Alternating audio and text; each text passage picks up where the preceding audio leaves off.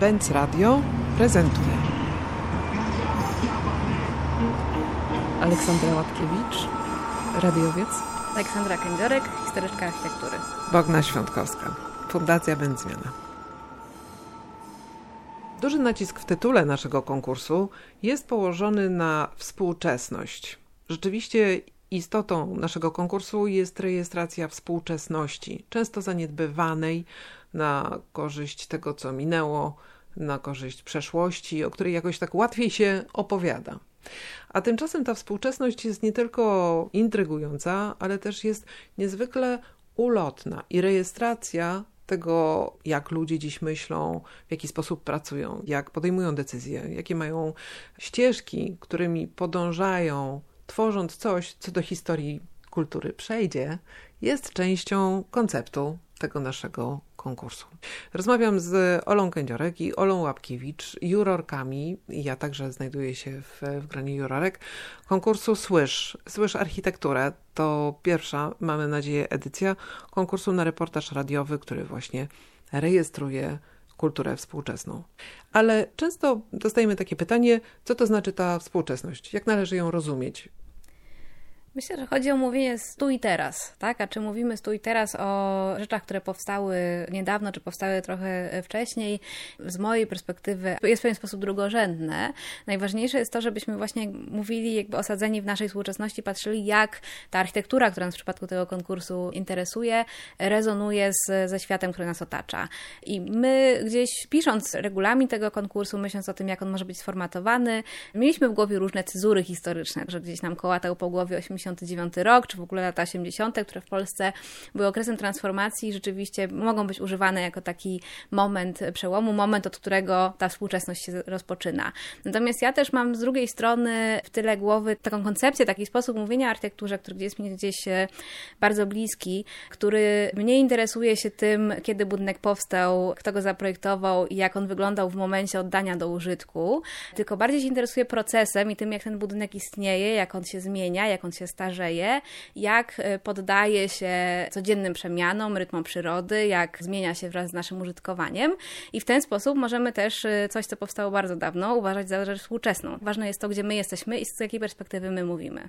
Ale ta współczesność radiowa też jest bardzo ciekawa. Oprócz, oprócz oczywiście otoczenia architektonicznego czy całego skomplikowania urbanistycznego, które tworzy współczesne miasta, to jeszcze na to nakładają się zdobycze cywilizacyjne i technologiczne i radio jest tutaj beneficjentem żeby użyć tego słowa, czyli również ta technologia w ostatnich latach bardzo się zdemokratyzowała.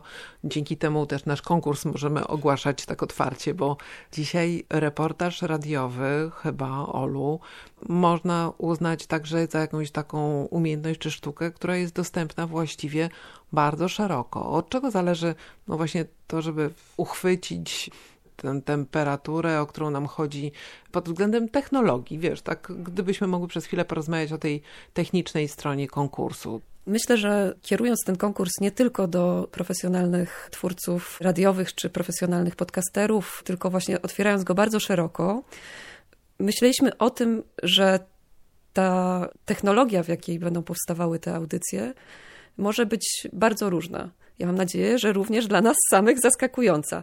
Bo ja myślę, że pracując w radiu, w tym środowisku dziennikarzy radiowych, nasze myślenie czasem jest zawężone o tym, w jaki sposób właśnie można, można dźwięk nagrywać, co można z nim robić. Ja tu byłabym bardzo otwarta. Każdy z nas ma w tej chwili przy sobie dyktafon. I my teraz w ostatnim czasie, jako dziennikarze, bardzo często korzystaliśmy z tych dyktafonów, które mamy w telefonach, ponieważ nagrywaliśmy się przez komunikatory, ale też prosiliśmy naszych rozmówców o to, żeby sami się nagrywali, przesyłali nam dźwięki. I okazuje się, że ta forma właśnie wykorzystania bardzo różnej jakości dźwięku też otwiera ogromne możliwości. Więc jak najbardziej, oczywiście, mikrofon stereofoniczny, który oferuje nam jakieś nieprawdopodobne doznania dźwiękowe, no wspaniale. Ale ja myślę, że jeśli ktoś chce opowiedzieć jakąś historię, to dysponując dyktafonem w swoim telefonie, może tak wymyślić precyzyjnie formę, że zainteresujemy się jego pracą.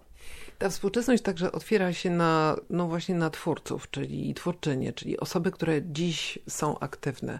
Ta możliwość spotkania, osobistego kontaktu, podpatrywania, czy też obserwacji no, takiej uczestniczącej z udziałem tego dyktafonu czy mikrofonu, też rzeczywiście otwiera zupełnie nowe możliwości obcowania z architekturą, która zwykle jednak jest nam dostępna w formie takiej skończonej. To znaczy, że dopiero wtedy, kiedy już projekt opuszcza pracownię, kiedy architekt uznaje go na tyle za dobrze przygotowanego, że powierza go do, do realizacji, wtedy następuje to uwolnienie do publicznego kontaktu. I tutaj w tym naszym reportażu wydaje mi się, że też mamy nadzieję na złapanie tej intymności rozmowy z architektkami, z architektami, którzy trochę nam opowiedzą o tym, jak pracują. A przecież te techniki pracy są bardzo różne.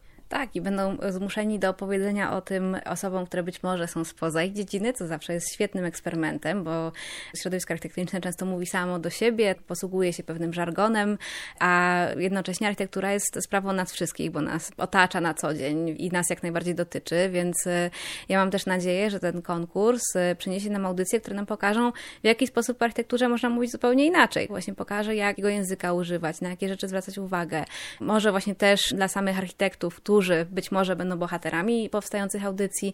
Będzie takim wyzwaniem właśnie, żeby o swoich projektach jakoś inaczej opowiedzieć. Więc ja po tym oczekuję bardzo, bardzo dużo. Jestem bardzo ciekawa rezultatów.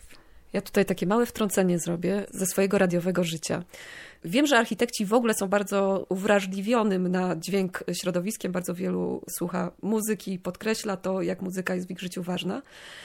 Ale ja, jako osoba, która bardzo często w nowoczesnych, współczesnych projektach architektonicznych muszę się poruszać z mikrofonem, przeczuwam, że nie do końca architekci zawsze myślą o tej przestrzeni dźwiękowej, którą kreują.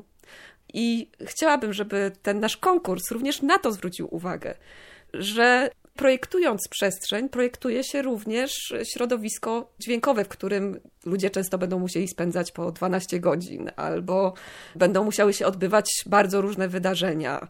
I to myślenie architektów o tym środowisku dźwiękowym też jest bardzo ciekawe, myślę. No i tu warto przypomnieć, że na Wasze propozycje i zgłoszenia czekamy do 6 września 2020 roku, a więcej informacji znajdziecie na stronie www.będzmiana.pl słysz to tak jak od słuchania, słysz rozkazujący tryb, podkreśnik 2020.